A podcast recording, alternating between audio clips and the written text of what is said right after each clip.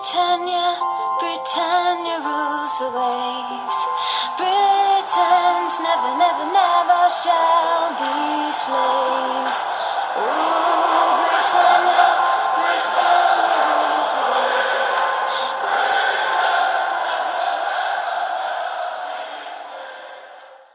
Hej och välkomna till avsnitt 245 utav Svenska FBL-podden.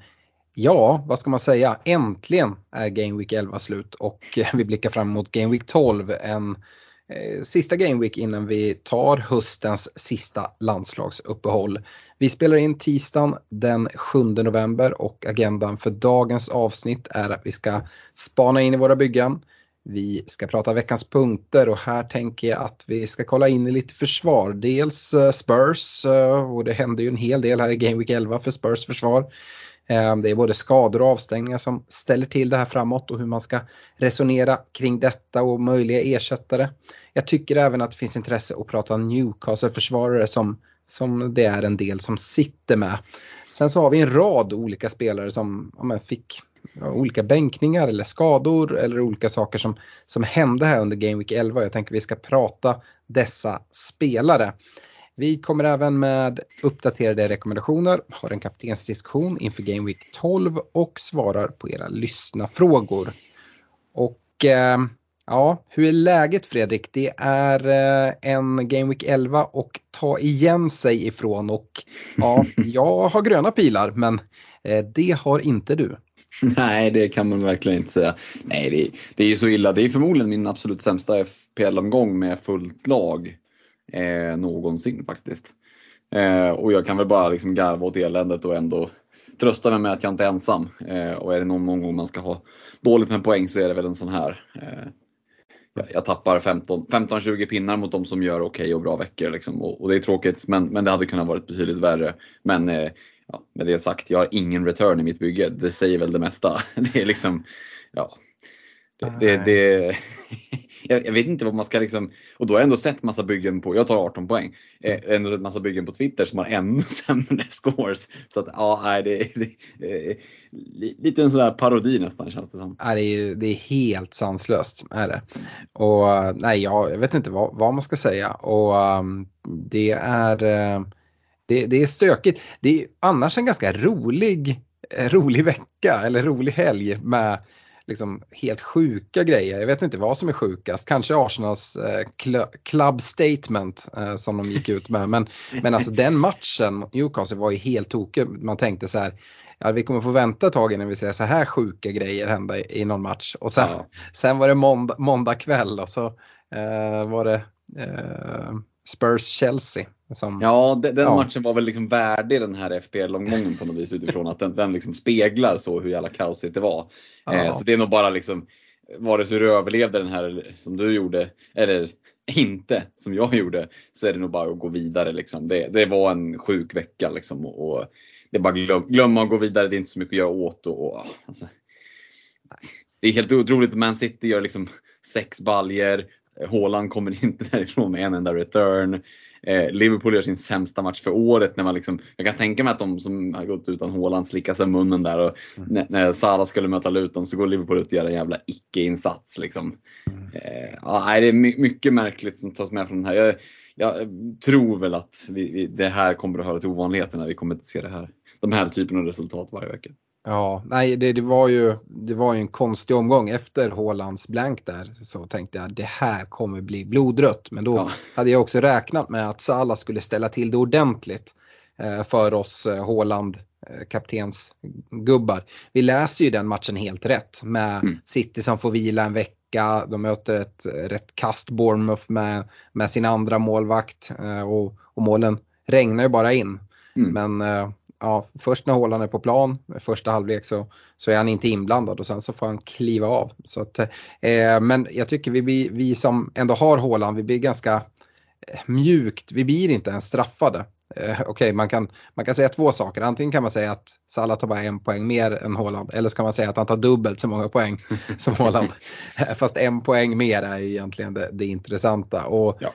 eh, ja, dels det, men sen också många av dem som inte har Haaland överhuvudtaget, de har ju också Alvarez. Mm. Eh, och eh, ja, men han kommer inte heller iväg med någon return, eh, konstigt nog i en sån här match. Eh, så att eh, nej, vi, vi klarar oss nog eh, mot de icke Håland-byggena ändå. Mm. Trots att jag tror att det var de som gick utan Håland inför Gameweeket som, som kände hoppas vi ska klara oss nu så inte Håland ska straffa oss när, när han möter ett rätt uselt Bournemouth. Mm, men vi hade ju den här mot, var det förra eller förra, förra, förra säsongen eh, som Liverpool vann över, det var väl Bournemouth också va? Med typ mm. 8-0 eller vad fan det var. Eh, och Salah inte gjorde en enda return och sa det kommer aldrig hända igen. Blixten slog inte ner på samma ställe och det gjorde den ju inte för den slog ju ner på Liverpool ena gången och på City andra gången. Men det är nog på den nivån. Och, och sitter man och tänker, jag gick utan hål, han klarar mig perfekt. Alltså, du vinner inte på Lotto varje vecka liksom. Eh, mm. Nästa gång City gör sex mål, då lovar jag då lovar jag att Håland gör return som han är på banan. Ja, eh, vi, vi sitter ju och pratar på här. Vi kan väl konstatera det som lyssnarna nog redan har räknat ut. Stefan är inte med oss i, ikväll. Eh, han håller på att ja, slicka, slicka såren här inför. Vi drar ju till, till Lissabon på eh, fredag här och eh, ja, men, eh, vinnarresan i, i Glenligan från förra säsongen med, med Dominic och, och, hans brorsa som vi, som vi träffade på Glenn-eventet här. Och eh, ja, det ska bli ruggigt kul att komma iväg. Och ja, eh, hoppas att Game Week 12 ska bli, bli en bättre game. För mig blev den ändå okej. Okay. Eh, jag var inne på det, du tog 18 poäng den här Game Weeken Fredrik. Det är en ja. Game Week rank på nästan 10 miljoner. Ja. Eh, vi har väl drygt 10 miljoner spelare. Ja. Eh, totalt har du 618 poäng, overall rank på 2,6 miljoner. Och mm. Eh, ja, eh, Stefan äter in 9 poäng på det. Nu skiljer det faktiskt bara 9 i, mellan er i total poängen. Eh, Stefan tog 29 poäng den här gameweeken trots att han Eh, hade Udogi med sina minus 4. Eh, totalt 609 poäng på Stefan, en overall rank på 3,2 miljoner ungefär. Eh, ja, det är lite olika. Stefan sparade bytet och sitter med två fria nu. Däremot har han flaggor till både höger och vänster. Cash, Haaland, Madison, Bottman, Udogi, Fläcken ehm, och Haaland kommer till start ikväll här så att den flaggan kommer väl försvinna om man inte slår upp något här, eh, här ikväll. Eh, till helgen i alla fall. Men ja, det ska nog användas byten för Stefan. Du gjorde ju ett dubbelbyte som, ja men eh, ett litet differentialval kan man väl säga. lugnt säga. Du, du plockade ut Gordon som dessutom får return då. Mm. Eh, I en sån här game week hade det varit, varit någonting att ha kanske. Eh, du plockar dessutom ut cash som, som man, eh, han straffar inte den här game weeken i alla fall. När han byts ut med liksom i 59 minuten. In plockar du in Sob Soboslaj och Trusty. Mm, precis. Nej, men jag var ju inne på att liksom, jag tyckte nog att mitt lag såg ganska okej ut. Hade två fria, var lite sugen på att, precis som du säger, gå på en differential. Hade själv rekat Soboslaj, tyckte ju liksom att att Liverpool hade ett slagläge mot Luton. Eh, hade inte sett den jävla icke-insatsen som, som, eh, som levererades komma utan jag såg nog mer att, att man skulle mosa Luton. Eh, det gjorde man ju uppenbarligen inte. Eh, jag tror jag tappade fyra poäng på, på det där bytet i netto. Och de fyra hade jag ju såklart behövt. Det hade kommit över 20, det hade varit kul. Men det är liksom inte, det är inte, det är inte 25 poäng jag har bytt ut så det är liksom, ja det, det, det, gör inte att eh, skrattet liksom fastnar i, i, halsen på något vis. Eh, Trusty som jag tog in, det var mest egentligen mer för att, för att ha råd med Soboslaj om jag ska vara ärlig. Eh, kommer ju sitta bänk för det mesta. Kanske att han kan få spela där i Game Week 13 mot Bournemouth hemma. För då har de andra backarna ganska risiga matcher. Så det skulle kunna bli någon match för Trusty i The Anfielders. Men mm. i övrigt ska han ju sitta bänk eh, för det mesta. Och eh, nej men jag tyckte Soboslaj är en, en rolig chansning här nu, speciellt med ja, men jag trodde att Luton skulle bli någonting och sen eh, ja, får vi se vad, vad, det är för, det är lite blandade matcher som kommer men, men eh, eh, han får eh, något försök till i alla fall, Soboslaj, se om han kan eh, komma loss med någonting. Om inte annat så, så känns det som en spelare som går att växla över till rätt många olika typer av, av mittfältare. Mm. Till skillnad från Gordon ska sägas, för Gordon hade jag såklart kunnat sitta kvar med, men hade jag velat gå därifrån, ja men då hade det varit Neto borta, det hade ju egentligen bara varit utan pengar att gå ner till kanske ja, men någon av 5,0 fältarna, typ Cole ja. Palmer. Eller, eller det är inte så dumt. Det är han som räddar min game week. Ja, eh. ja jo absolut, det är det ju. Eh, men ja, jag valde att gå Soboslaj jag, jag ska inte döma ut det än utan han, han kommer få en vecka till. Mm. Jag dömde ju ut det lite grann när du gjorde bytet. Ja, det är mm. inte sällan man ser ett dubbelbyte när man tycker att laget försämras. Eh, men så kände, kände jag lite grann. Eh, men, och jag vet inte, vi får väl se. Det är som du säger, det är alldeles för tidigt att utvärdera det här. Däremot så, eh, jag tror att din kärlek till Soboslaj eh, som Liverpool-supporter lite lyser igenom här. Eh, kollar man statistik och sådär, inget jättefantasy-hot. Eh, ja, jag, vi får se. Jag, jag tycker nu nog att liksom, skulle de kosta samma så hade nästan Gordon varit mer intressant att ha ändå. Um, men ja, vi, vi får se. Um, Går, går vi över till mig, eh, det är röda pilar på dig och Stefan gröna på mig. Härligt! Som jag sa, Cole Palmer. Eh, man hade bara önskat att han hade fått spela ett lite off, mer offensiv roll eh, i slutet av matchen så kanske han hade kunnat gjort 4-5 kassar. Eh, jag menar när, när Jackson kommer iväg med ett hattrick så ja, då eh, vem som helst som kan göra. Eh, vi ska prata Spurs försvar här eh, lite längre fram. Men eh, ja, 36 poäng kommer jag iväg med. Det är inte så mycket men eh, ja, det ger mig gröna pilar. Totalt 673 poäng och en overall rank på 342 000 så sakteliga smyger vi oss uppåt. Ehm, jag sparar bytet, sitter med två fria eh, här inför Game Week 12. Har väl inga jätteproblem eh, egentligen i laget. Jag har ju också flaggor såklart som, som Stefan i, i Håland och, och Matti Cash. Ehm, men ja, dels Håland eh, som sagt spelar ikväll eh, och även om det hade varit så, jag sa det, eh, jag pratade lite med Stefan om det, att jag, jag hade, även om vi hade fått indikationer på att han skulle missa Game Week 12, hade jag nog suttit kvar med honom. Bara för att jag, ehm, ja, men kommer vilja ha in honom snart igen och sen går vi in i ett landslagsuppehåll så Game Week 13 ligger ganska långt bort och börjar lägga massa byten på att plocka ut Håland och sen plocka in honom igen. Ah, jag tror jag hade skippat det och nu som sagt ser han ut att eh, redan vara redo.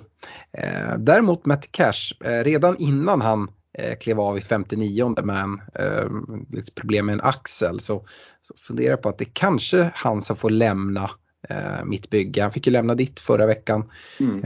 Um, och ja, men det, det är ett spelschema som ändå inom relativt snar framtid eh, börjar, eh, börjar vända. Och då känner jag att man kanske kan, kan se sig om efter andra gubbar eh, och göra ett byte som gör att jag liksom dels kanske får en, en bättre spelare just nu och sen kanske framförallt också sätter upp mig lite bättre här framåt. Eh, och Eh, men jag vill kolla, jag, jag sitter ju redan med Gabriel i Arsenal och så har jag Saka också. Men eh, jag gillar verkligen idén på att eh, dubbla upp Arsenal-defensiven här. Eh, bra matcher här nu, eh, både på, på kort och ja, men även lite överskådlig framtid. Eh, för skapliga pengar och dessutom tycker jag att det är svårt att hitta så mycket andra vettiga försvarare. Um, så att jag, eh, jag tror jag kommer gå cash till Saliba. Jag har ju lite pengar på banken. Så har råd att göra det bytet. Um... Hiring for your small business? If you're not looking for professionals on LinkedIn, you're looking in the wrong place. That's like looking for your car keys in a fish tank. LinkedIn helps you hire professionals you can't find anywhere else. Even those who aren't actively searching for a new job but might be open to the perfect role. In a given month, over 70% of LinkedIn users don't even visit other leading job sites. So start looking in the right place. With LinkedIn, you can hire professionals like a professional. Post your free job on linkedin.com slash people today. Det skulle i och för sig låsa ut mig från, från Arsenals offensiv, men den är också sådär. Jag kollar lite på det. Eh, dels då defensiven är bra i Arsenal. De har högst non-penalty expected goals conceded hittills den här säsongen. Och eh, Arsenals anfall, ja men de ligger faktiskt 11 för non-penalty expected goals. Eh, och, jag vet inte, eh, vad, vad säger du om Arsenal dubbeldefensiv? Ja, men alltså man kan säga att det, det svänger ändå snabbt för att det, det var ju verkligen Arsenal-offensiven vi hade spanat mot för ett par veckor sedan när schemat skulle börja vända. Men nu har det sett ja, men lite trögare ut i maskineriet och, och ja, men jag kan se uppsidan i det att eh, man ska möta lag som Burnley och Brentford och Wolves och Luton. Det kanske inte är ligans starkaste offensiver här som, som kommer. Så att, visst finns det chans till eh, till nollor. Eh, det är väl det liksom att det lassas med mer pengar i backlinjen. Det liksom, jag tänkte tvärtom att bara gå så billigt det bara gick i backlinjen just för att kunna ha stålarna till mittfältet. Eh, det är väl det enda jag kan se. I övrigt mm. så är det ju en fin differential att sitta på för det, poängen blir värda mycket, mycket eftersom många har valt att kliva in på kanske Gabriel med tanke på priset där. Så, men, men på dubben så är man nog, om inte ensam så eh, betydligt färre i alla fall. Mm. Lassa in pengar känner jag inte riktigt jag har gjort. Jag har en Charlie Taylor där, jag har en eh, Semikas, eh, och en Gabriel. Så att mm. eh, Saliba skulle då bli min, min dyraste försvarare för 5,2 och sen så får vi hoppa ner till Gabriel på 4,7. Så att, ja, eh, ja, jag, känner, jag känner inte att jag liksom är helt baktung i mitt bygge direkt. um, men absolut. Uh, ja, det är väl min tanke. Vi får se vad som händer. Vi ska såklart invänta det Europaspel här i veckan. Uh, så vi kommer få mycket information om uh, ja, men alla lag som är ute i Europa. Det är väl Newcastle och City som spelar idag. och sen så har vi United och Arsenal imorgon och sen så har vi det är Villa och West Ham va, på torsdag. Ja, Liverpool också, Toulouse borta. Just det, den kanske vi får se tillsammans. Eh, ja, den tänkte jag att vi skulle ja. dra på hemma hos dig sen. Ja. Eh, mm. Det visste, det, det visste du inte om, men det hade jag redan planerat. jag lägger några öl på kylning. Ja, det låter ju strålande. Fint, vi, vi lämnar våra byggen eh, och går över till veckans punkter och ska fortsätta prata lite försvarare. Och vi har ju redan pratat lite om det, men vi, vi har ändå inte liksom gått in allt för mycket i, i Spurs-Chelsea. Vad var det för match vi fick se? Ja, nej det är helt sjukt att Spurs ska ha tre röda kort i första halvlek. Uh, Romero ska ha två. Ja, nej men alltså det är ju det är, det är, det är helt sjuka. För att alltså, en eftersläng alla Beckham 98 mm. och Anders Bjur konstaterar att nej, man sparkar inte tillräckligt hårt. Det, det är det mest, bland det mest sjuka jag någonsin hört. Tvåfotaren med Sule, det var ju Gerard, Gerard-klass på den. Ja, Udogis. Ja, exakt. Och sen det som faktiskt blir rött kort efter det då, eh, som också är helt solklart. Det ser ut som benet bara ska gå av. Eh, Alltså, nej, det, var ju, det var ju en riktig jävla holmgång. Alltså skador hit och Porro såg ut att vara skadad där ett tag och Madison liksom bara var faller ihop och det, van de Ven faller ihop och Reece James ställer ut armbågar men klarar sig. Och, Nicholas Jackson underpresterar sin XG med att göra ett hattrick fast han är sämst på plan. Ja, det, det... ja, det, det, är en helt galen match och Chelsea har väl har de två bortdömda mål. Eh, ja. Det är Sterling och Caicedo och Son har ett bortdömt mål. Och, ja, men verkligen allting händer i den här matchen. Men jag tänkte att vi skulle fokusera och prata Spurs försvarare för det som eh, men kanske är, alltså, nu, det är många sjuka saker. Men det allra sjukaste det är nog eh, Postokoglos fortsatta höga backlinje ja. när man dels då är nere på nio man men även blivit av med både Romero och kanske framförallt van der Ven och hans oerhörda snabbhet som, som har löst den här höga backlinjen. Ist eh, istället kommer man in med Dyer och skickar in Emerson Royal eh, centralt i banan och ja, men där finns inte riktigt samma snabbhet och alltså hade de mött ett, ett lag som hade haft någon annan anfallare än eh, än Jackson eh, och kanske, kanske Darwin, men jag tror Darwin hade gjort, gjort det bättre. Eh, så eh, jag vet inte vad, vad vi hade kunnat sett för slutresultat och nu här framåt tänker jag, vad, ja, men vad gör man? Det, det är väl inte så många som sitter med, med eh, van, der, van der Ven i sin, sin backlinje. Eh, Romero finns i några, han missar kommande tre. Eh, Udogi utvisad, missar eh, i Game Week 12 nu. Eh, men ja, vissa har Romero, han är ju bara att byta ut såklart. Men jag tycker nästan att det gäller detsamma om man sitter med Udogi som missar en match. Eller kanske till och med Porro mm. eh, som inte missar någon match. Men han ska ändå spela med det här andra rövargänget nu. Och det är ett tufft spelschema. Eh, kollar vi Game Week 12 eh, då saknas ju både Udogi och Romero på grund av avstängning. Van der Ven, vi har inte fått en skadeuppdatering där men Ja, han blir borta ett tag. Ja, han blir ju borta par, två månader. Det ja, ja, det är nog gissningen. Runt åtta veckor. Och mm. åtta veckor eh, när vi kommer in i decemberschemat. Ja, det nej, är många game weeks. Så är det. Um, så ja, men Game Week 12 uh, då, uh, då är det Wolves de möter. Mm. Med Spurs. Så det är väl en okej okay match. Så har man på det så kanske man inte behöver stressa utan just till tolvan. Men jag tycker man kan kolla på det redan nu. Eh, Game Week 13 då är ju Dogi tillbaka. Men Romero är fortsatt borta. Då ska man möta Aston Villa. Och jag tänker att Watkins och eh, Diavy kommer få helt galna omställningsytor och det passar ju verkligen dem och Villas spel. Eh, vi kommer ha en kaptensdiskussion för Game Week 13 men det kanske är så att vi måste blanda in en Watkins där. Vi ska säga det att just Game Week 13 är lite stökigt med, med kaptensalternativ när eh, ja, City och Liverpool ska möta varandra bland annat. Då. Ehm, så ja, äh, det, det, blir en jäkla intressant match tycker jag.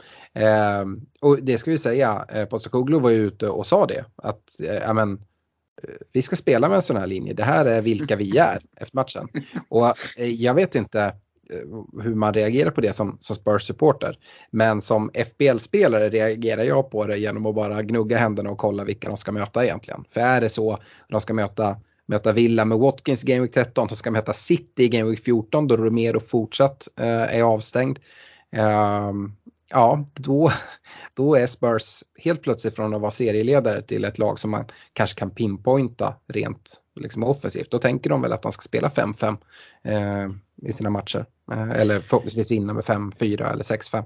Ja, alltså när, jag, när jag såg det där uttalandet från på skolan, jag fick känslan, jag fick en flashback till när man spelade Worms 2 när man mm. var liten. Och det fanns ett av de här liksom, grejerna man vapen man kunde använda, det var kamikaze. Och då dog man ju, då dog ju den masken. Liksom. Men, men, ibland så gillade man att använda det. Men han är lite som, jag gillar att använda det här. Men mm. du vet ju att det kommer gå åt helvete. Ja fast det, jag gillar det ändå. Man bara okej. Okay. Mm. Jag menar kollar vi, kolla, gå in och kolla flaggningen nu på, på Spurs lag. Mm. Då är det alltså sex försvarare som är flaggade. Det är fyra som inte är flaggade. Det är Royal, Porro, Dyer och sen är det kanonliraren Ashley Phillips. Mm. Eh, ja. ja. Nej, sen, sen, det fortsätter ju bara. Game Week 15 då är det West Ham de ska möta. Sitter man ju fint med Jared Bowen tänker jag i omställningsspelet. Ja, ja, ja. Uh, Game Week 16 ska de möta Newcastle. Se om Alexander Isak är tillbaka eller om det är Wilson som ska springa igenom. Uh, nej men det, jag tycker att det är läge att lämna Eh, mm. Spurs-försvaret nu. Uh, och det är inte så mycket att liksom vänta på tycker jag. Man behöver inte vänta och se heller. Uh, sen så kan det väl vara så att Postecoglou ändå lägger om någon taktik. Um, förhoppningen är ju att Wolves inte liksom springer igenom och har 4-5 frilägen i Game Week 12 för då kanske han ändrar någonting inf inför Villa som, som jag blickar kanske framförallt Sitter ju inte med någon Wolves-spelare och kollar inte på att ta in heller. Eh, men Game Week 13, Game Week 14 där, Villa City. Mm, mumma säger jag. Mm, det, det ska bli spännande att se hur han löser det. Är det Höjbjerg som ska in och spela? Det är ju inte speedkulan nummer ett. Liksom. Eh, ja, någonting att hålla span på och som sagt, som du är inne på, Wolves kanske inte blir liksom mastodontprovet här till helgen. Men är det så att de till och med liksom luckrar upp det där eh, ostbågslåset, då ja, då blir det väldigt intressant att se hur, hur han ska hantera det. För samtidigt, även om han liksom, ja, men skulle få för sig att nej, men jag backar lite då på det här uttaget, vi får ju köra om lite. Han har ju typ inga spelare och, och, för, och liksom, framförallt där i mittförsvaret, vad, vad ska han sätta in? För jag menar, de skickade väl Davison Sanchez va, på lån. Mm. Eh, vart han gick, Turkiet kanske. Eh, de skickade Guillon till United på lån. Ja, eh, alltså ja. det är en ytterback förvisso men mm. Så att, nej, det, det, är verkligen någonting att, att, hålla ett extra öga på. Och som sagt, jag är helt inne på din linje. Sitter man på en Spurs-försvarare nu.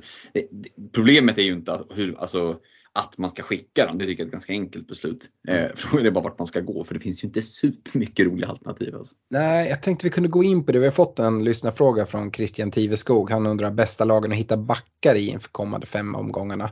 Och det finns ju lite ersättningsalternativ. Jag gillar ju som sagt Arsenal när jag pratar om mitt eget bygge. Mm. Uh, har, har, man inte Gabriel kan man gå på honom. Uh, men om man har lite mer pengar hade jag ändå rekommenderat Saliba. Uh, jag, jag går dubbelt där förmodligen nu och tycker att båda är spelare man kan, man kan kika mot. Um, annars på lite så kort sikt, typ fem omgångar, ja men då är ju Pallas fortsatt ett okej okay lag att gå till. Uh, nu steg väl Mitchell till 4,6 tror jag, så jag tror både han och Guay kostar 4,6. Andersen kostar han 5,0 uh, fortsatt eller? Mm. Uh, något sånt. Jag, jag, tycker ja, precis, ja. jag tycker inte att det är värt att pröjsa upp till 5-0 och det är också en, an, en, en av anledningarna att schemat sen vänder för Pallas och då är det lite, ja alltså det är inte så roligt att göra back, eh, backbyten. Så är det så att man tvingas sitta kvar med sin Pallas-back, men då är det eh, skönare att ha 4,6 uppbundet än 5,0. Eh, och vem man ska välja på Guay och Mitchell, jag tycker det skiljer oerhört lite. Är det så att det är en prisdifferens på 0,1 på dem, det är inte nu, då hade jag gått på den billigare. När de är lika, ja det var de när jag valde, då gick jag på Guay.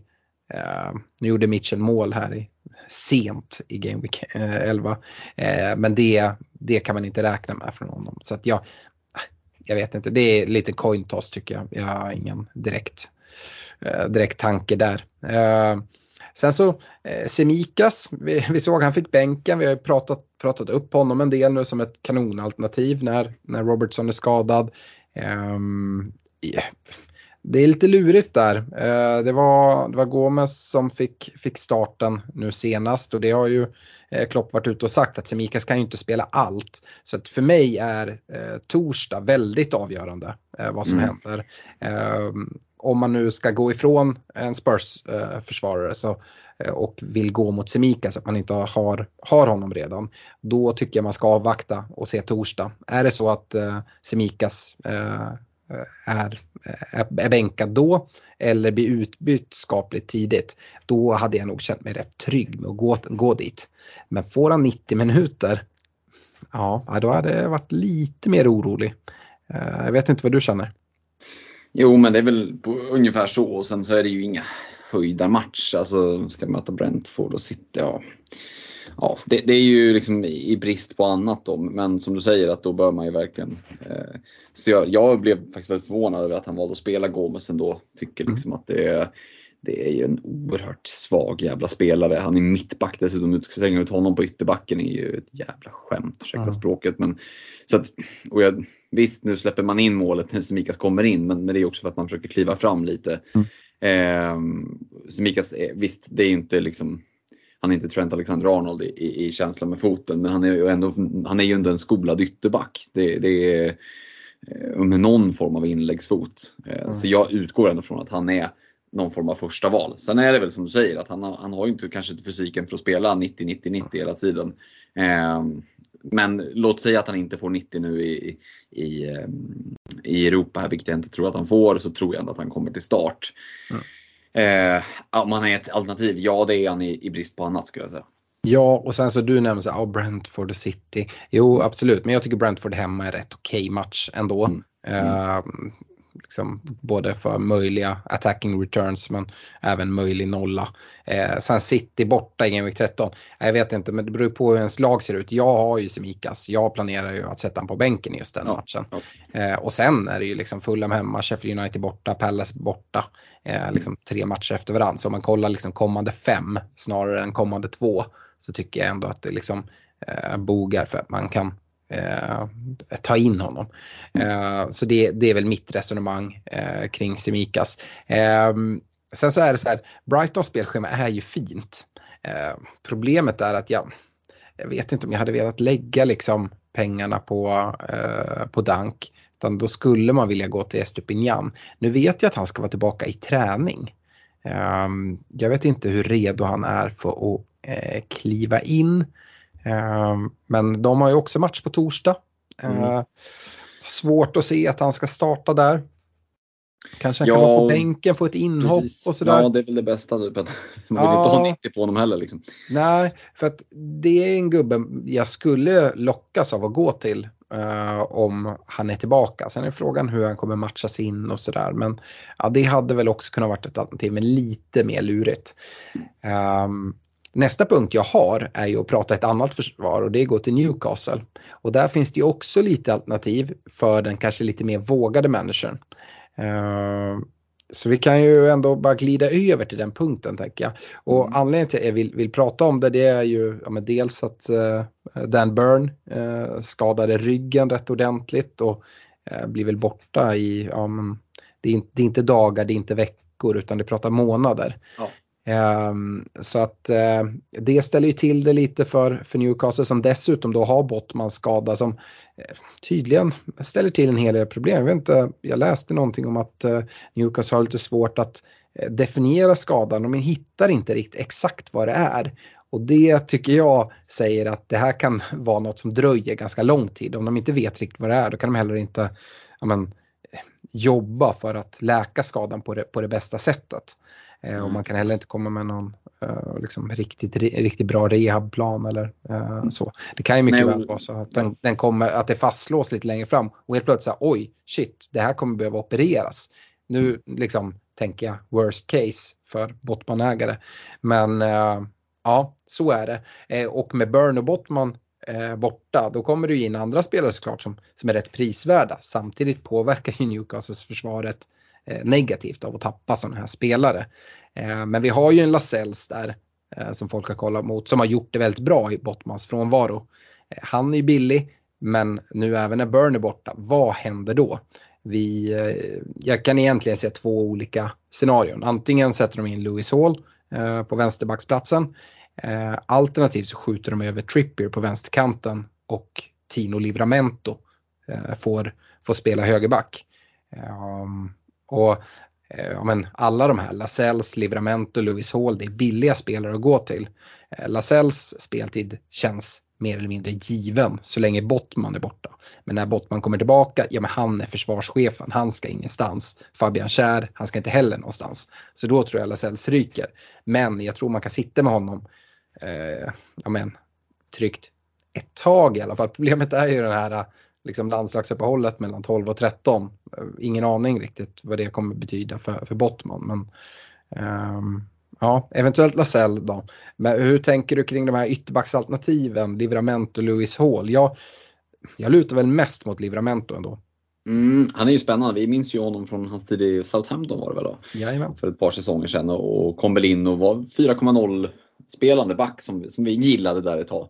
Eh, och, och, var ju ganska frejdig offensivt. Så absolut, det finns ju en spelare i där. Och med Target skadad, väl, mm. han är väl borta till ja, men en bit efter årsskiftet han också.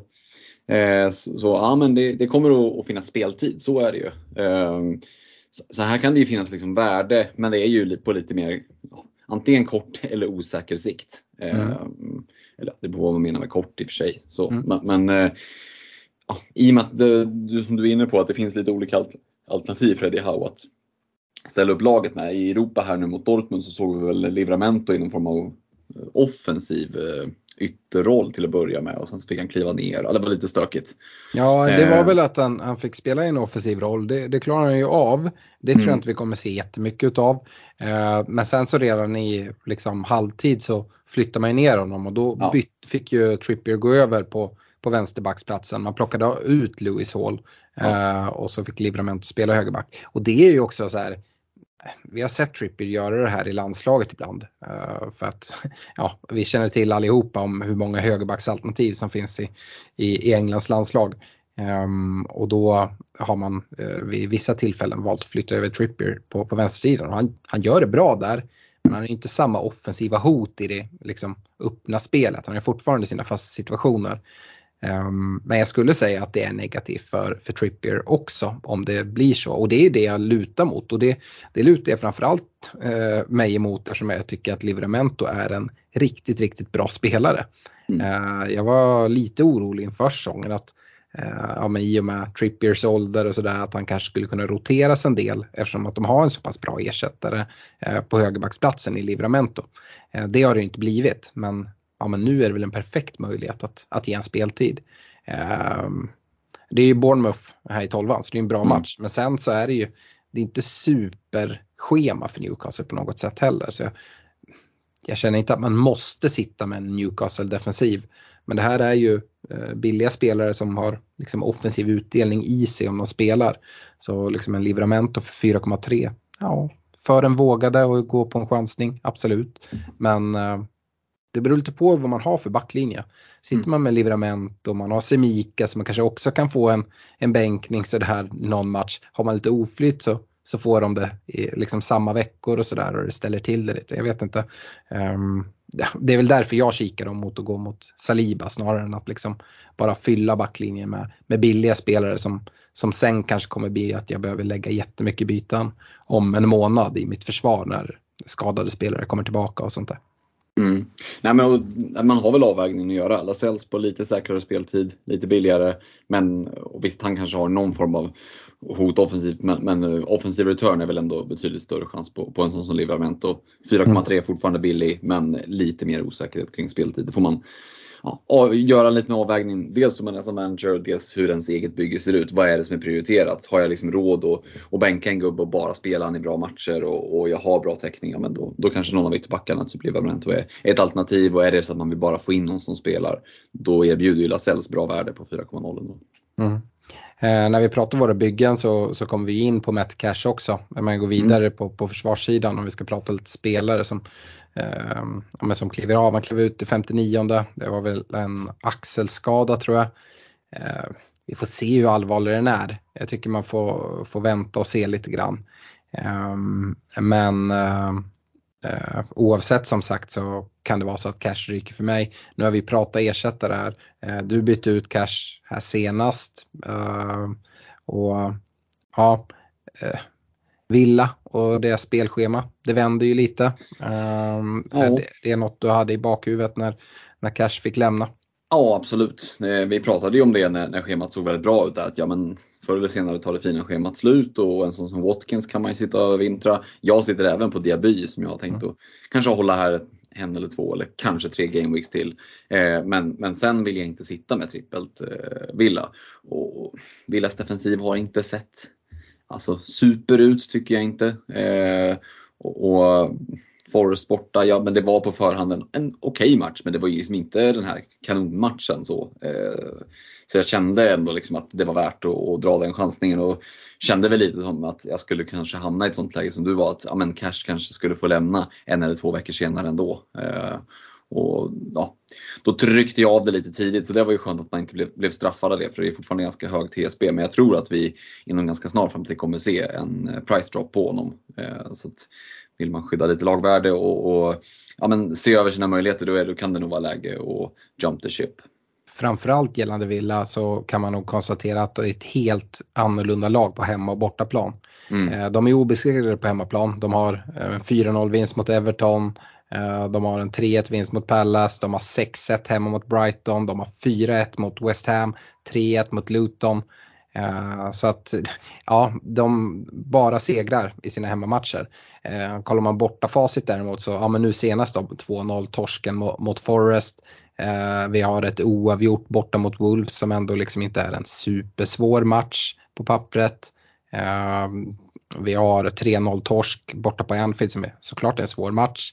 Um, och den här 5-1 torsken i Game Week 1 borta mot Newcastle som också är en tuff match men det är två helt olika lag eh, hemma och borta.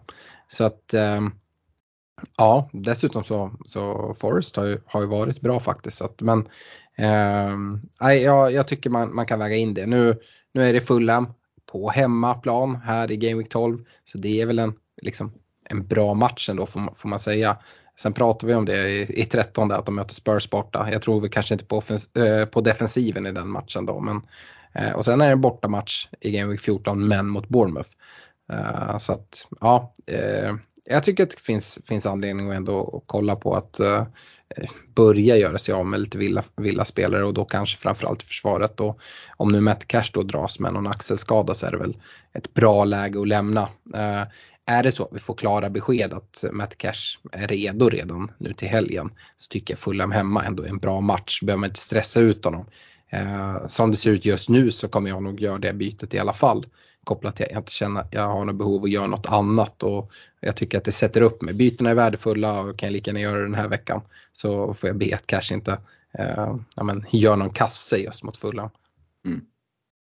Eh, och det är väl liksom de, de försvarare jag tror vi är inne på. Men vi, vi såg ju all, fullständiga shit, shitstormen här i Game Week 11. eh, på målvaktssidan såg vi också en del grejer helt plötsligt. Eh, så har Turner nu tappat sin plats får vi nog säga mm. eh, i, i detta Forest. Och eh, ja, hans ersättare går in, håller nollan eh, och de, de vinner mot, mot det här Aston Villa. Eh, så Nej, jag tror att det kommer ta ett tag innan vi ser Turner tillbaka i kassen där. Um, det är väl många som har honom. Ja, jag sitter ju med honom tillsammans med Ariola. Då tycker jag, ja, det är vad det är. Mm. Jag tänker inte göra något, något byte där just nu. Så, men det är ändå någonting att ha, ha ögonen på. Dessutom ser vi en, en fläcken som inte står. Det skulle röra sig om någon lårkaka förstod jag det som. Så han kan vara tillbaka.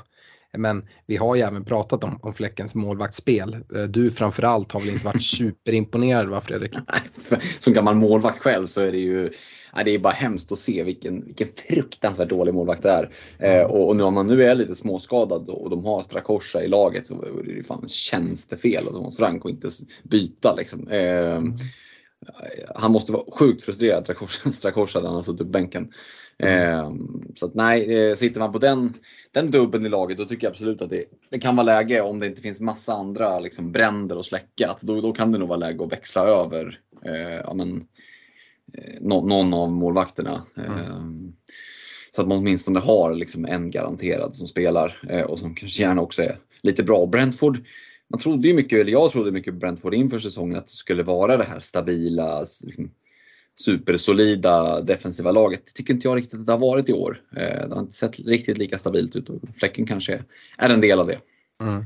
Kan jag även skjuta in det att liksom, om nu Turner har tappat sin plats som, som vi, vi är inne på eh, så kommer man ändå behöva göra något målvaktsbyte. Game Week 18 har inte Brentford match, det är då City och Brentford blankar. Eh, sitter man då med Turner som andra gubbe, ja men då har man ingen målvakt i den gameweeken. Eh, dessutom så, så har eh, Brentford nu, även om eh, Fläcken då skulle få spela, nu Liverpool borta i Game Week 12, Arsenal borta i Game Week 13. Ja men det kanske är nu man ändå ska göra ett målvaktsbyte då. Ja, ja. och som sagt, jag, ja, men, jag är inte imponerad av West Hams defensiv på något sätt. Men jag tycker att Areola är rätt prisvärd spelare att gå till. Bra spelschema just nu nollorna kanske inte radas upp men å andra sidan ser jag inte supermånga kanonalternativ att gå till. Har du några andra liksom, målvaktsshout du vill, vill skrika ut? Nej, det är lite som försvararna att det är väldigt snålt där och, och åh, nej, det skulle vara en, en Raja i Arsenal då för att dubbla upp Arsenal-dubben lite annorlunda. Men nej, det hade jag nog inte kanske gjort. Utan jag, jag kan nog hålla med om att Ariola Eh, men lite så här i Vet du vad, jag vill kasta in en jätteflagga eh, för ja. Raja. Ja. Eh, för Game Week 13 möter Arsenal Brentford. Och mm. Raja är ju faktiskt utlånad eh, mm. till Arsenal eh, och då får han inte spela. Så då sitter du i problem efter landslagsuppehållet direkt. Så ja. ska du nu sitta där och gå ifrån eh, liksom din, dina icke-spelande målvakter så kommer du ha ett problem efter landslagsuppehållet direkt i Game Week 13. Så dit går man inte. Dessutom tycker jag till och med att det finns risk eh, i det här Arsenal att vi kommer se en Ramsdale tillbaka ganska så snart. Jag tycker, mm. jag vet inte om det är bara jag, men jag tycker inte att Raja har imponerat speciellt mycket och jag tyckte heller inte att Ramsdale hade gjort så mycket för att förtjäna att tappa den där platsen. Nej. Nej, och det, det liksom, man vill ju lägga så lite pengar som möjligt på målvakterna och då kanske en Johnston i, Pärla, jag vet, det, det är svårt med, med keepers faktiskt. Det, ja, det, jag, liksom... jag hade nog gått till Ariola. Ja, uh, hade ja. jag gjort om jag hade suttit i Turner-fläcken. Uh, och då är det fläcken jag hade tagit bort. Uh, alltså för att spara lite pengar. Mm. Uh, James Madison då, du nämnde det. Han, mm. han bara dök. Eh, jag trodde först det var någon halvtaskig filmning. Eh, ja. Han är ju inte på honom. Men det kan ju också vara de värsta skadorna. Sen mm. såg det ju inte superallvarligt ut. Han fortsatte spela lite grann och sen klev han ut och det kan, jag tänkte att just situationen att det kan ju vara något lite så här halvtaktiskt att liksom ändå dra hem laget något. Sen såg vi ju att han fortsatte spela med den här höga backlinjen så jag vet inte. Men ett problem är väl på kort sikt här att Eh, Spurs spelar tidiga matcher nu på lördag. De spelade i måndags, nu har de ju inget Europaspel såklart där men den kommer ju ganska snabbt på. Så jag vet inte om Madison är redo eh, eller inte. Hur hade du resonerat om du hade suttit med Madison? Det är väl att avvakta presskonferenser och så såklart för att han är ju ingen, ingen problemspelare att sitta med här framåt med, med Spurs-offensiven. Samtidigt som då som sagt, ja, spelschemat blir lite, lite tuffare så kommer väl Spurs-offensiven ändå fortsätta leverera får vi väl gissa. Ja, precis. Men det, jag har ju Madison i bygget så för mig Mm. är det ju högst aktuellt.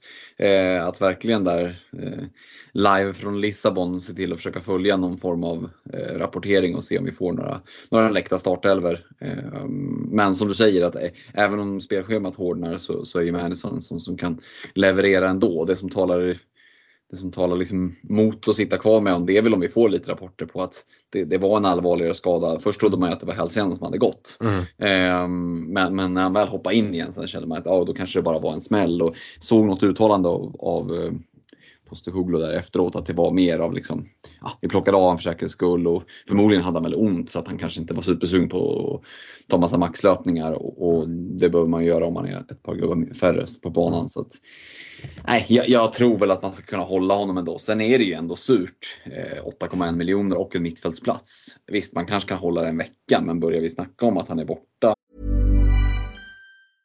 I'm Sandra, and I'm just the professional your small business was looking for. But you didn't hire me because you didn't use LinkedIn jobs. LinkedIn has professionals you can't find anywhere else, including those who aren't actively looking for a new job but might be open to the perfect role, like me. In a given month, over 70% of LinkedIn users don't visit other leading job sites. So if you're not looking on LinkedIn, you'll miss out on great candidates like Sandra. Start hiring professionals like a professional. Post your free job on linkedin.com/people today. Since 2013, Bombas has donated over 100 million socks, underwear, and t-shirts to those facing homelessness. If we counted those on air, this ad would last over 1,157 days. But if we counted the time it takes to make a donation possible, it would take just a few clicks. Because every time you make a purchase, Bombas donates an item to someone who needs it. Go to bombas.com slash ACAST and use code ACAST for 20% off your first purchase. That's bombas.com slash ACAST, code ACAST.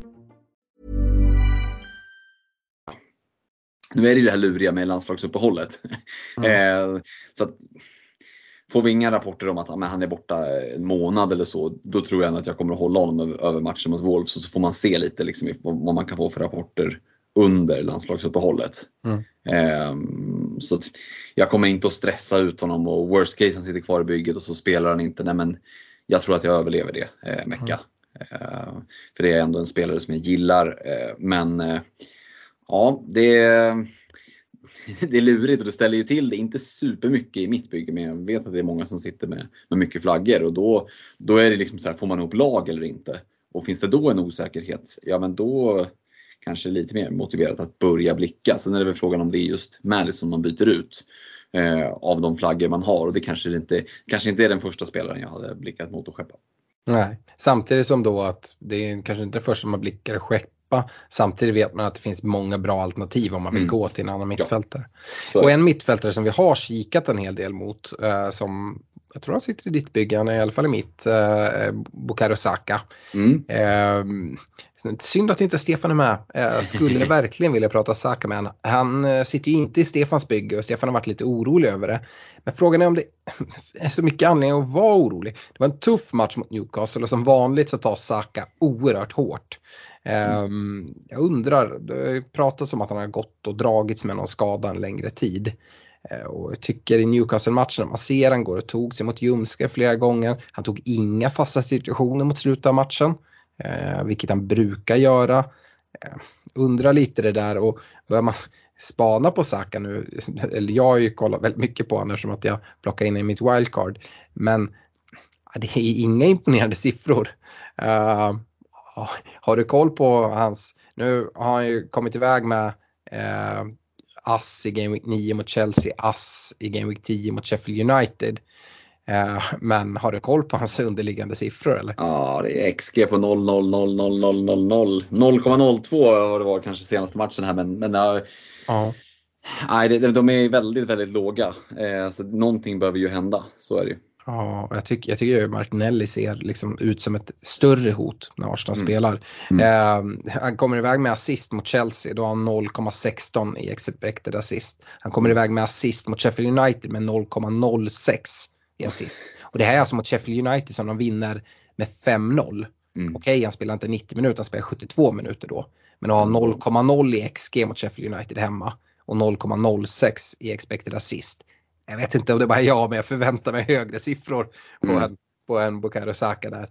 Ehm, sen är det där, ja han tar fortfarande vissa straffar och sådär men mm, lurig gubbe alltså. Det är inte så jag kikar på att plocka ut honom. Däremot om jag skulle börja plocka in någon Arsenal-spelare på grund av det fina spelschemat.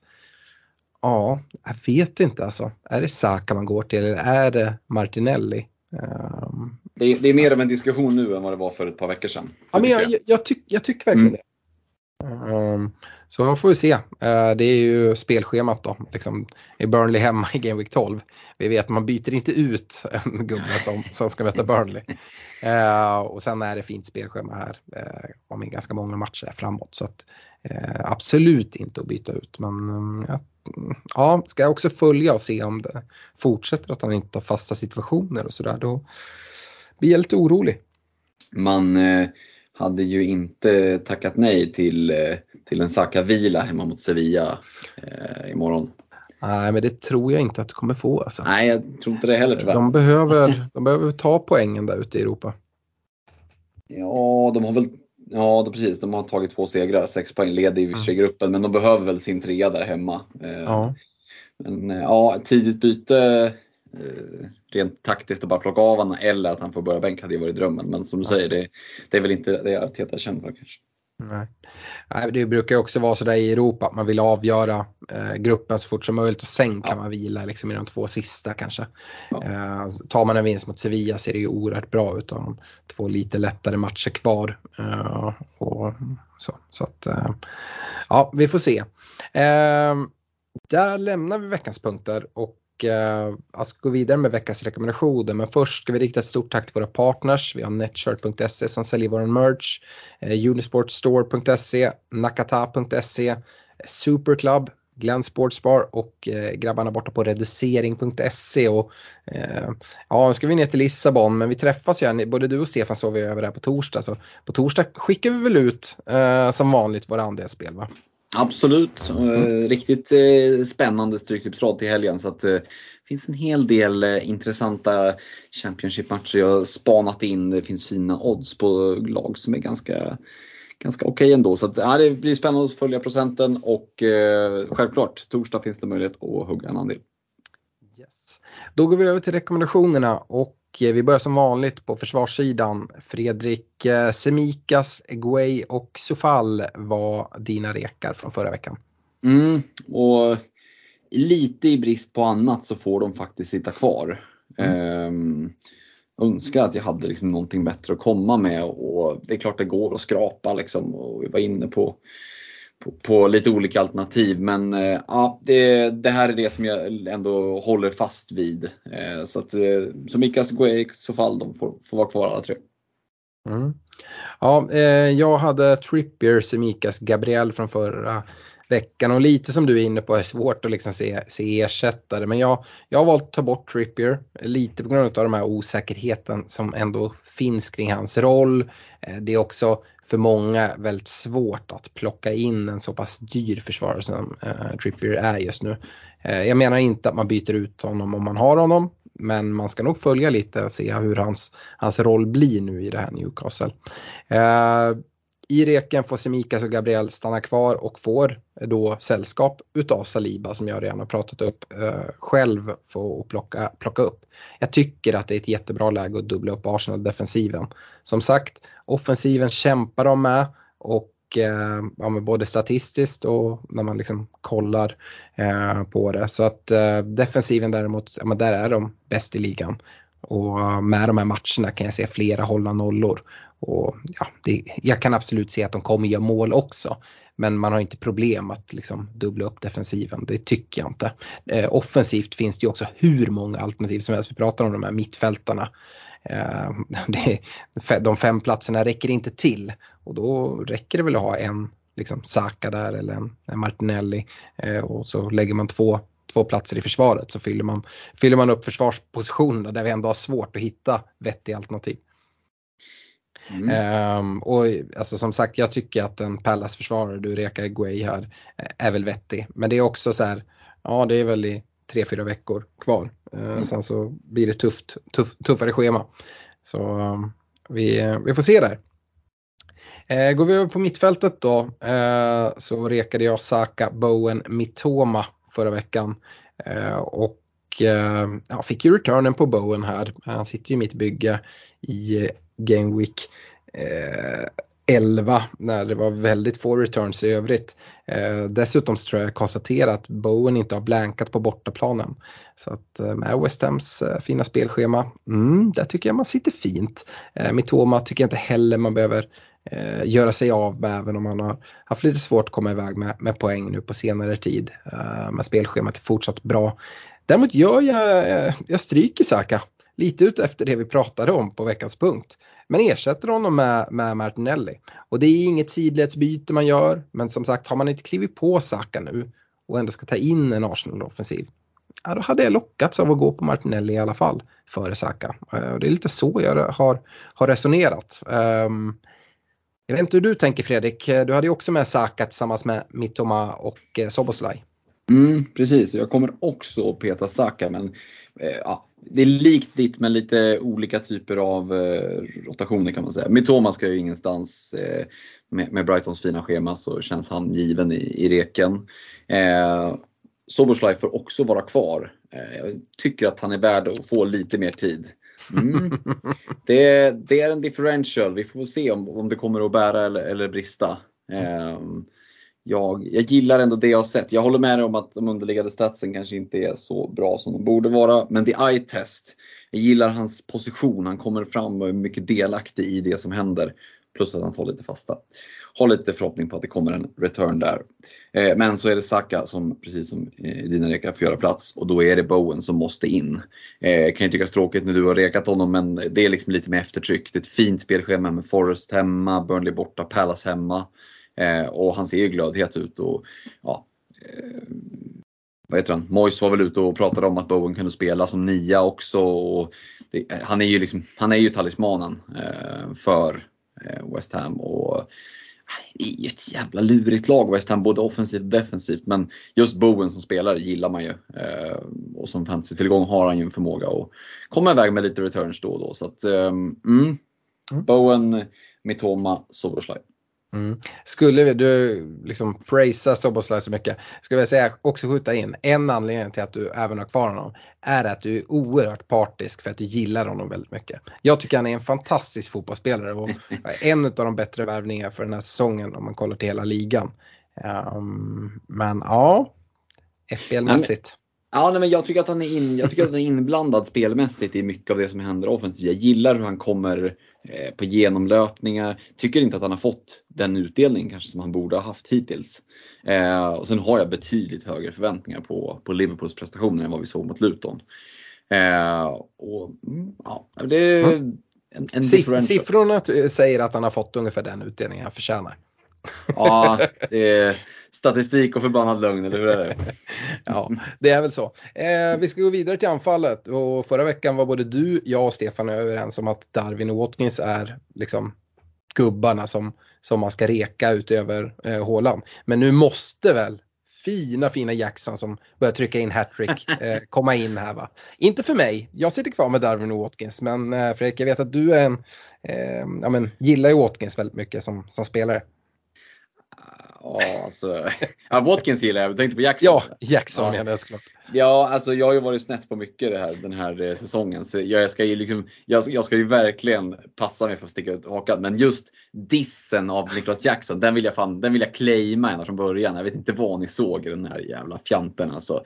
Eh, nog för att det är en helt okej, okay, jag ska inte vara så, han gör ju hattrick. Eh, och det, det, är väl en bra fotbollsspelare, apropå du var inne på Soverslaj där. Så, så ehm, Eh, jag vet inte, Niklas Jackson kanske inte står superhögt i kurs för mig. Jag kommer också hålla fast vid Watkins och Darwin. Och, jag menar visst, Darwin Nunez eh, blev väl också lite av en ytterligare meme när han bränner upp ett mål eh, här. Men, men eh, om man liksom bortser från eventuella känslor, antingen att man håller på Liverpool och tycker att det är frustrerande eller inte håller på Liverpool och tycker att det är mest komiskt. Så är det så att killen kommer ju till mycket chanser. Vi pratade om det förra säsongen, han har varit mer klinisk den här säsongen. Eh, jag tror faktiskt att Håland har fler brända eh, eh, klara chanser än vad, eh, än vad Darwin har den här säsongen i statistiken. Det kanske säger någonting om att det, det har ändå liksom rullat in lite fler bollar och han har ju heller inte spelat supermycket eh, i början av säsongen. Där. Så jag, jag håll, vidhåller ändå att Darwin är en bra fantasy-tillgång. Eh, sitter man på honom hade jag suttit lugnt i båten för det kommer att komma utdelning. Eh, och, och Watkins ska ju såklart ingenstans. Eh, så att Watkins Darwin får sitta kvar. Det som är med Darwin då vill jag ändå skjuta in att jag tror att han riskerar ganska ordentligt att inleda bänk i Game Week 13 borta mot City efter landslagsuppehållet. Mm. Tolvarna, du, du, har varit inne på det, du tycker att Darwin är en del utav er bästa elva. Mm. Men vi vet också Klopp borta mot City, en pressspelare som Gakpo. Eh, delar mina tankar där i alla fall. Eh, ja, det, jo absolut. Det, det, och speciellt då med liksom eventuell flygresa. tidiga matchen. Ja. ja. precis. Jo men det är klart att det luktar Gakko och så. Mm. Eh, just den matchen, så, så verkligen så. Sen eh, har vi sett när Darwin har kommit in eh, spelsugen och sista kvarten 20 där, det, det har smält förut. Så att det behöver liksom inte vara yberdåligt. Men absolut, just den enskilda matchen. Dels är det ju eh, ja, en helt urusel match för för, liksom, för Liverpool så. Eh, City är ju ett väldigt bra lag. Men eh, ja, jag kan ändå överseende med det utifrån hans eh, övriga spelschema och eh, att ja, men jag tycker att han, han kommer till mycket lägen och jag utesluter inte att han får speltid och får en return i City-matchen ändå. Nej. Bra. Eh, vi ska även eh, rikta ett stort tack till alla våra Patreons. Eh, om ni inte redan är Patreon kan ni bli det via patreon.com svenska FPL. Eh, stötta oss där med 25, 35 eller 50 kronor i månaden. Och, eh, ja, men kom in i värmen, vår Messenger-tråd och Discord-sändningar, utlottningar och, och allting. Ehm, det slår vi verkligen ett slag för. Vi ska ha en kaptenssektion inför Game Week 12 och deadline är lördag 12.00. Då sitter vi väl på någon uteservering eh, nere i Lissabon tänker jag. Eh, vi har ju med oss Mackan från Glenn som är Spurs supporter så Wolf Spurs ska vi väl se någonstans gissar jag. Eh, Mm. Annan tidszon och sånt där får man hålla koll på eh, om man är ute och mm. reser och, och deadlines. Um, men för alla här i Sverige så är deadline 12.00 i alla fall. Eh, ja, Fredrik, vad, vad säger vi om binden här i Game Week 12? Kollar vi de, de vanliga alternativen så eh, Håland möter Chelsea borta på Stamford Bridge i omgångens sista match, eh, sena söndagsmatchen. Eh, Salah hemmamatch, hemma mot Brentford, där sitter min bindel eh, just nu i busslaget. Um, ja, det är väl de två man framförallt går, går till och jag vet inte, jag var inne på Saka stats. Nu är det Burnley hemma. Eh, men jag skulle vilja se något annat från, från Saka för att våga gå ifrån så långt med binden. Jag, nej, jag litar, litar mer på Salah då, eh, trots Liverpools senaste insats då mot, mot Forest. Ja, Eller Luton kan, menar jag. Ja, men precis. Jag kan bara instämma där att min bindel sitter också på, på Salah. Eh, förvänta mig en eh, en helt annan inställning, en annan insats från Liverpool. Lite sådär studsat tillbaka från eh, skitinsatsen mot Luton. Jag tror att Klopp kommer vara rätt tydlig med att han förväntar sig någonting helt annat. Även om han var ute och tog eget ansvar för första halvlek så tror jag att bakom stängda dörrar har han nog han har nog förklarat för spelarna vad han, vad han tycker och tänker om det där och eh, jag tror vi kommer se ett helt annat Liverpool. Eh, så Salla-binden just nu känns för egen del ganska given faktiskt. Håland är alltid ett alternativ men Chelsea borta är ju ingen superkul match. Du är inne på det med Saka, det är ju en kanonfin match men var är formen? Var är mm. statsen? Var är känslan för att det där ska flyga? Eh, jag vet inte. Och i övrigt, ja, Villa ska möta Fulham hemma. Mm, hemmaformen var jag inne på. Ja, jag har ju chansat på Watkins förut och, och bränt mig men å andra sidan hade han sina bästa stats just den matchen så att han borde väl kanske ha kommit ifrån med någonting. Ja, för en våghalsig så är väl en Watkins-bindel lite småkul. Ehm, så att, ja, mm. det, det, är lite så här, det, det, är väl inget som kittlar ordentligt, det tycker jag inte. Utan min bussbindel sitter på Sala och det är liksom för att jag ja, mm. det, det, är inte att den superexalterar mig men, men jag tycker ändå Brentford hemma så som Brentford har sett ut och just med den här som jag tror, förmodar, bara förväntar mig ska vara någon form av rekyl tillbaka. Eh, ja, men jag, jag, tror att Liverpool kan få det att lossna mot Bradford hemma. Mm. Ja, men jag är inne på det. Eh, gillar väl också uppbollningen av Watkins ändå. Eh, mm. Som sagt, Villa hemma är, är ett alternativ. Jag håller nog honom före en, en Saka ändå, trots att det är Burnley. Mm. som, som ska mötas. En spelare vi inte nämnde var ju Spurs-gubbarna. De spelar i tidiga matchen, vissa vägrar ju sätta binden där men Wolves borta, jag gissar med, med, med de skadorna i försvaret att ja, det är all out attack som gäller eh, och då kan det bli en del kassar så att eh, en sån behöver ju inte vara fel om man nu, in, eh, om man nu inte är rädd för, att sätta binden i tidiga matchen. Eller ja, vad säger du? Nej, såklart väljer man att kliva ifrån så är väl det ett alternativ men nej, inte Wolves borta tidiga matchen. För mig är det inget som kittlar alltså. Eh, och det har varit stökigt. Det är ju inte bara liksom den solida defensiven och försvarsspelet. Du har ju allt som kommer med uppspel från backlinjen. Det, när tre av fyra försvinner i den ordinarie backlinjen, det blir en helt annan dynamik eh, i positionsspelet. Är oerhört imponerad om Spurs får ihop en vettig insats mot Wolves faktiskt. Eh, mm. Med det laget de ska ställa upp. Eh, får de det så är det väl förmodligen för att för att eh, Wolves backar hem. Jag vet inte om de verkligen sjunker så mycket hemma. Så att, ja, jag tycker det finns frågetecken kring, kring Spurs-laget där. Och, då tycker jag ändå det finns andra lag som både ja, men Liverpool och, och, Villa och Arsenal som har hemmamatcher mot lite sämre gäng. Eh, det hade jag valt att kliva till före apropå hemmamatcher mot lite sämre gäng. Det säger ju lite vad det är för typ av säsong United gör när vi liksom ja. pratar, ja. ja men Villa möter Fulham hemma, Spurs borta mot Wolves, United ska spela på Old Trafford mot Luton. Eh, men ja, det finns ju en del som sitter kvar med Bruno Fernandes, fick ju utdelning här i, i Game Week 11 och, var en av få spelare som, som verkligen levererade. Eh, men det var ju inte, det var inte något praktspel i Game Week 11. Jag höll på i vår, vår interna grupp och skrev ah, jag ser att det, ja, Arsenal tappar poäng och Liverpool tappar poäng och Spurs tappar poäng. Men aj, fina mäktiga United, de, de trummar på med tre nya poäng. Eh, ja, skämt åsido, jag hade hållit mig borta binden därifrån. Ja, det är väl en differential att bara sitta kvar med, med Bruno, så många som har skeppat honom och då, ja. då sitter man ju fint i Luton hemma. Det är ju en, en bra match. Det är ju bara att ja. och, och låta honom sitta där i bygget i så fall och, och, och casha in poängen. Man kanske inte måste pusha det med att sätta binden där. Så. Mm. Absolut. Vi går vidare med lyssnarfrågor. Uh, vi börjar med lite internationell flärd. Jag uh, har fått en lyssnarfråga från Norge, Tor Eirik Nome. Uh, tackar för en väldigt bra podd. Uh, om det är så att man har Pedro i laget, eh, bör man spela honom, eh, ja, Joao Pedro då, mm. eh, eller ska man ha honom på bänken den här gameweeken eh, när Brighton spelar mot Sheffield United? Det är ju en, eh, det är en oerhört bra match men vi har sett Joao Pedro inte riktigt få, få chansen i elvan trots att Serbi har varit ute och sagt att ja, han ingår verkligen i, i första elvan i, i, i Brighton har han varit ute och sagt. Men eh, han får inte starten i ligan. Nu är det Europa i veckan och sådär. Han skriver det, är det så att Pedro ska in, då är det Diavy som hamnar på bänken. Mm. Eh, hur hade du resonerat med Joao Pedro mot ja. Sheffield United? Ja men till att börja bara ställa honom mot Diaby. Om det är valet så hade jag valt att spela Diaby. Mm. Hemma eh, mot där, Ja, och det är mer given start. Eh, så. Eller betydligt större chans på start i alla fall.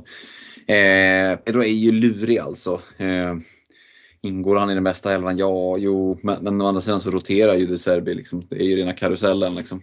Mm. Eh, och, jag vet inte om man sitter med honom i bygget och har tänkt spela honom. Då vet jag inte vad man hoppas på. Eh, ja, men som Europaspelet hoppas man på ett inhopp då, att han ska få starten då. Det, mm. blir liksom att försöka läsa hela tiden. Jag tycker, jag, tycker det, jag hade satt honom på första kvisten. Eh, det, jag tycker det är lurigt. Grejen är att om du har Joao Pedro i ditt lag, Brighton mm. har hemmamatch mot Sheffield United. Ja, om du ska spela han då, Nej. varför har du inte Archer eh, som, som din tredje anfallare då? Eh, jag hade lockats av att spela honom, men det är ju bara invänta torsdagens match. Hoppas att han sitter på bänken. Mm. Och då hade jag nog startat honom. Eh, spelar han går ut hyfsat tidigt hade jag nog också eh, liksom lockats av att gå på uppsidan och hoppas på starten. Men alltså spelaren får 90. När du då har en sån spelare som, som DVI med bra hemmamatch. Uh. Sen är frågan, är DVI verkligen den liksom, eh, spelare som, som ska sitta bänk av ditt lag? Det, det, vet ju inte jag när jag inte har hela laget framför mig. Jag hade ju verkligen velat spela både han och Pedro om det är så att jag tycker mig kunna läsa De Serbi att Joao Pedro ska få en start hemma mot Sheffield. Mm. Uh, är det minsta minsta tvekan då hade jag precis som du fallit in på, på det vi ändå. Mm. Han skriver att han har både Cash och Watkins i laget. Jag tycker inte det spelar så stor roll faktiskt kopplat till det vi. Det är en bra hemmamatch uh, och då all in bara på, uh, på, på Villa. Villa. Yes. Eh, Christian Mikko Blanco är exakt inne på exakt samma sak. Eh, han undrar hur, hur, vi hade gjort med Joao Pedro. Han tog in honom i, i uh, Wildcard Game Week 10, hoppades få 3-4 startor. Starter, det fick han inte. Eh, han har en lite mer liksom, specifik fråga. Eh, han har ju två fina matcher kvar eh, menar han, Joao Pedro. Eh, men vet inte om startplats. Eh, han hade kunnat gjort ett rakt byte till Enketia men blev utprisad efter hans prisuppgång. Har två fria så kan ändå få loss pengar utan att få minus. Um, mm, lite lurigt. Hur, hur hade du resonerat? Han kan bänka honom såklart och spela en Palmer mot, mot City hemma eller Semikas mot Brentford hemma. Um, ja, uh, tankar där då om man nu ska göra Joao Pedro till Enketia, vad, vad tänker du? Där. Jag vet inte om man bara köper sig ytterligare ett, ett problem to be. Eh, nu ska väl Jesus vara tillbaka där i början av december. Vi får väl se hur det är med det. Varit skadad mycket så det är klart det, det kan bli en hel del speltid för Enketia. Eh, så det behöver, behöver väl inte vara fel men det kommer ett landslagsuppehåll, tiden tickar mm. på. Jag hade känt mig osäker på att kliva dit. Eh, ska man ha honom som tredje anfallare? Det är liksom lite för mycket pengar för att bara bänka vecka ut vecka in som man gör med Archer. Men det är i min värld kanske inte tillräckligt bra anfallare, eh, inte tillräckligt säkra starter för att man ska vilja spela dem i en 3-4-3. Eh, hade jag haft en 3-4-3 hade jag haft en bättre tredje anfallare än Enketia och Joao Pedro. Mm. Eh, så om man inte får loss tillräckligt mycket pengar för att kliva upp till någon som man verkligen vill ha, då hade snarare hellre om man plockat in typ Archer och, och då fått loss pengar där och kanske uppgraderat någon annanstans. Hellre. Mm och, och chansa på en Enketia i alla fall. Det är ändå Burnley hemma som, som ska mötas. Vi såg vad Enketia ändå gjorde mot ett, mot ett Sheffield United och det här är väl motsvarande mm. motstånd. Ja, men mm. absolut på kort sikt så, så kan det funka. Mm. Precis, eh, men jag är inne på samma som dig. Eh, det är en chansning man tar på, på Enketia. Det är förmodligen ett byte du kommer behöva göra ganska snabbt på den positionen eh, snart igen. Å andra sidan, har man inget jätteproblem med det om han får en motsvarande träff som han fick mot Sheffield United nu mot Burnley. Eh, Gustav Söderqvist sitter med Burn i bygget. Eh, även Cash och Haaland som är flaggade. Eh, men eh, ja, det är möjligt att Cash ändå får stryka på foten tillsammans med Burn. Två fria byten, 0,0 på banken. Han sitter inte på varken Arsenal eller Brighton-tillgångar. Dags att gå dit kanske. Och jag har pratat upp Arsenal. Jag tycker nog att eh, om man inte har någon Arsenal-gubbe så är det ett perfekt läge att gå till en försvarare där. Han har ju inte råd att eh, göra cash och burn till, till två Arsenal-försvarare men, men en gubbe ska han väl kunna få in där i alla fall. Ja, absolut.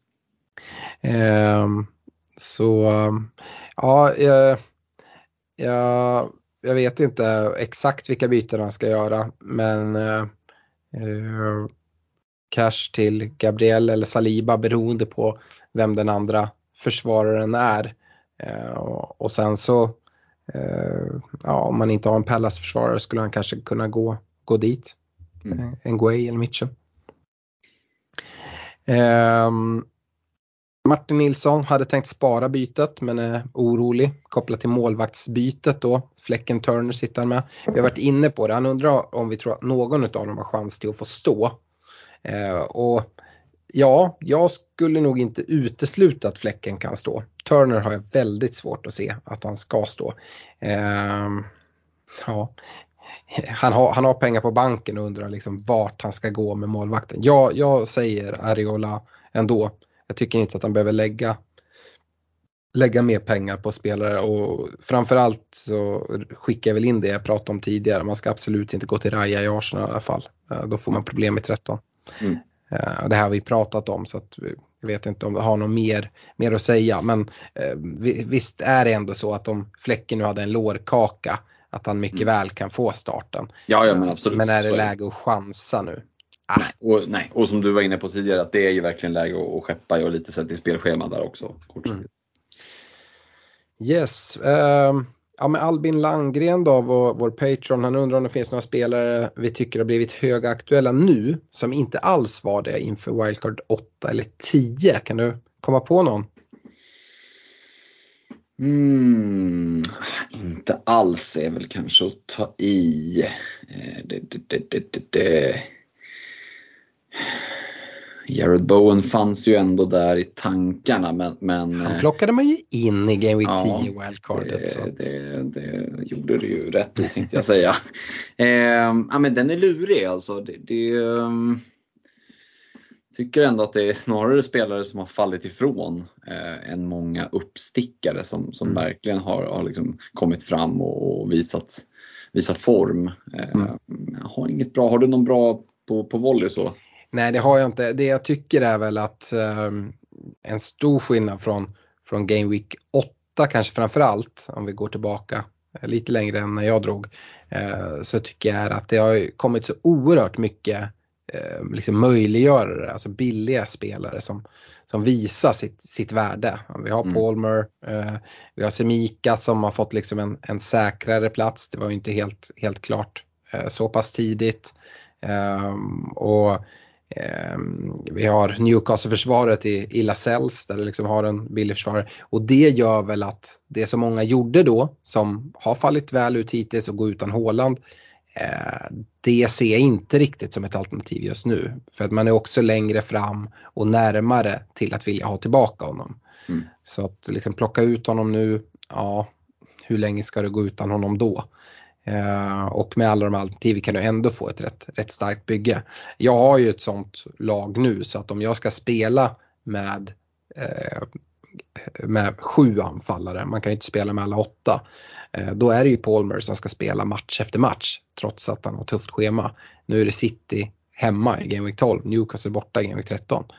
Ja, jag kommer nog spela honom. Alltså vi ser han liksom ha fortsatt straffar. Nu var Reece James tillbaka i, eh, eh, i, i, eh, i truppen och får starta, får straff. Ja, det är ändå Palmer som tar den.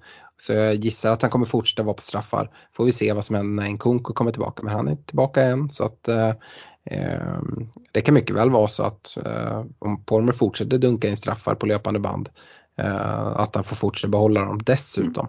Och sen kommer vi närmare och närmare. Eh, så jag vet inte om det är någon så spelare som jag tycker har helt kommit från ingenstans. Eh, Men vi har ju fått lite mer info. Eh, Ja, men skulle man dra ett wildcard nu, jag hade inte valt Turner i kassen till exempel. Eh, Då hade jag nog faktiskt sparat in eh, 0-1 och tagit en 3,9 målvakt istället. Så ja, det, det, finns, det finns lite så små ändringar men inget, inget jättestort tycker jag. Eh, Kalle Lolk då, eh, om man har kvar wildcard, bör man använda det för att släcka bränder nu efter den här veckans skador eller hålla det till efter landslagsuppehållet? Oh, ja, den är ju såklart väldigt lagberoende men är det rena liksom Ja, det bara brinner överallt i bygget Mm. och man sitter med ett wildcard kvar, då hade jag inte tvekat på att trycka av det. Nej. Eh, alltså, det, det blir, man får inte hålla på det liksom dumhålla på det heller utan håller man wildcardet länge då är det ju men lite som du var inne på när du sa att ja, men jag får se hur länge jag håller, tanken är att hålla det länge men då måste det hela tiden finnas en öppning för att ser man ett läge, antingen ett läge att liksom lägga i en extra växel eller ett läge i att bara typ, fram med brandsläckaren. Mm. Eh, då tycker jag inte att det är så mycket att tveka på. Eh, sen, sen kan man ju vara så att man säger att jag sitter med två fria och, och ja, jag kan liksom städa bort de värsta liksom bränderna med dem. Ja okej, ja, men då kanske man kan hålla på det. Men vi har sett en del byggen på ja, men sociala medier där det är mycket flaggor och hade man då suttit med WC kvar så hade jag tryckt av. Jag tror hade Stefan suttit med wildcard nu så hade han Mm. inte väntat på ett landslagsuppehåll. Nej. Det hade bara smält till. Ja. Eh, Jag nämnde ju liksom alla flaggor han hade. Sen får man ju vänta lite, eller det behöver man inte göra. Men alltså det kan ju vara så att vissa av de här flaggorna tas bort. Håland spelar idag, den kommer försvinna, är jag helt säker på. Cash är en sån som skulle kunna försvinna till helgen. Madison skulle också kunna försvinna till helgen. Ehm, så att ja, ja det, är, det är liksom en känsla man, man får ha bara. Det är svårt att, eh, att säga. Eh, man får väga det lite mot, mot varandra. Ja, och sen tycker jag också att kollar man på de spelarna som är flaggade, Mm. eh, jämför till exempel Madison Cash så är ju, men tycker jag i alla fall, att Cash är en sån spelare som du har kanske tittat mot att, att växla ut inom ett par veckor ändå. Medan Madison är en spelare som sitter ganska fint med så länge han är hel och liksom Spurs fortsätter och, och ser frejdiga ut offensivt. Så vilka spelare är det som är flaggade? Har du liksom en tre, fyra stycken som du ändå kanske skulle känna att ja, men de här skulle jag, även om de kanske inte var flaggade, börja se över och växla ut. Mm. Då tycker jag det finns ännu större anledning att trycka av det. Mm. Vi, vi har även fått wildcard-fråga från Asad Amaya. Han uh, undrar när vi tycker att han ska dra sitt wildcard. Det, det tycker jag att man lite får, får avgöra själv. Men han undrar vilken game week senast man ska dra det. Uh, och det är ju game week 19 som är, är sista, sista vecka och, och dra det. Uh, däremot så uh, tror jag att de allra flesta som, som spar på det förmodligen kommer dra det i Game Week 18 i så fall. Ehm, och det är, det är ju lite det här, eh, det är en blank i, I 18. i 18. Alltså när jag säger när man drar det i 18 det är alltså inför Game Week 19. Mm. Eh, alltså när deadline för Game Week 18 har gått. Eh, och 19 är då liksom för att få in det här nya bygget till Game Week 20. Ehm, så då, då behöver man dra det för att inte låta det brinna inne. Han har varit utan eh, Mohamed Salah sedan starten och undrar hur länge till vi, man klarar sig att vara utan honom. Man skulle i så fall behöva komma in genom ett, ett wildcard just. Och eh, det, är- det är en lurig fråga eh, tycker jag. Det kan man ju klara sig utan. Eh, men eh, samtidigt så har han ju gjort det bra. Ja, och, även Salah är ju en, en sån spelare som, han behöver inte göra det så bra rent spelmässigt och har ju förmåga att komma därifrån med returns ändå. Eh, framförallt Game Week 14-15 där när det kommer fina matcher och City har lite tuffare matcher så, så eh, eller ja, tuffare, det är fan Tottenham, men vad fan snackar jag om? Det, det är kanske är en kanonmatch. Eh, men ja, det, det, han är ju ett kaptensalternativ i många Game Weeks, så kan vi väl konstatera. Jag tror Eh, till exempel att han kommer vara mest bindlad här i Game Week 12. Mm, det är mycket möjligt. Ja. Nej men så, det är ju en spelare som, som, som det är fullt logiskt att blicka mot och, och få in. Eh, Mm. för det är också en spelare som kan straffa det väldigt mycket. Du är inne på kanske blir mest bindlad. Sitter man inte med honom med, då är det dubbla poängen som man slåss emot. Mm. Eh, men det är ju småklurigt att få in honom för det är mycket pengar på en spelare och, och har man fördelat ut det på, på många positioner då kan det vara liksom minus 4, minus 8 för att få in honom. Och det, ja, den är lurig men jag förstår ju att man blickar dit. Så att det, ja, hade jag inte haft honom i bygget så hade jag varit väldigt angelägen om att få in honom. Mm. Verkligen. Eh, vi avslutar med två frågor om eh, vår kära norrman Håland. Eh, Gustav Eriksson, han undrar varför inte Håland går ner i pris. Det står att typ 200 000 har sålt honom. Eh, fler som har sålt honom än köpt honom. Hur många krävs för att priset ska ändras? Eh, har du koll på den exakta algoritmen kopplat till prisförändringar? Ja, det har varit kul att ta en lunch med, med, med de som ligger bakom det här. Det är, vi har ju varit inne på det tidigare att det, det hade ju varit eh, klädsamt egentligen med en transparent eh, Mm. eh, liksom, algoritm för när spelare går upp och ner i pris. Vi slipper de här gissningslekarna. Mm. Nej, det är ju, det är ju att följa Twitterkontona egentligen som, Mm. som, som gissar bäst. Så. Mm. Eh, eller hemsidor och sådär. Eh, men vi vet ju, ingen vet ju, eller ingen, men inte, det har inte läckt ut exakt hur, hur algoritmen ser ut. Det är förmodligen så pass komplicerat så även om någon skulle få förklara för mig så skulle jag inte förstå ändå. Nej, man skulle inte förstå algoritmen. Det, det man däremot, jag tycker att det finns flera bra sidor för det här som har bra Mm. indikationer. Och um, ja, ibland kan jag tycka att prisförändringar går väldigt fort och andra, ibland sitter man bara och väntar på dem. Men går jag in och kollar nu, jag brukar använda mig av FBL Statistics, Statistics eh, eh, och där ligger han på minus 58,2. Man ska ju typ ligga i närheten av minus 100 för att gå ner. Eh, Så att han går inte ner i natt, tror jag inte. Och nu till exempel ser vi att han startar ikväll så jag tror inte att det kommer vara supermånga som byter ut honom. Eh, så att jag skulle gissa att han inte kommer gå ner den här gameweeken. Ehm, det är ju nästa fråga, Mikael Finé. Eh, han undrar hur man gör med Håland, behåll eller sälj. Och då tror jag att den här frågan är ställd innan eh, man ser att han startar.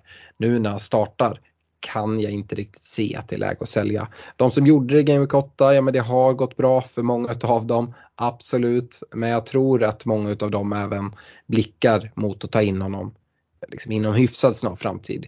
Eh, och att göra det nu, ja men då har man lite missat fönstret kan jag, kan jag tycka i alla fall. Mm. Eh, så att jag tycker bara man sitter kvar.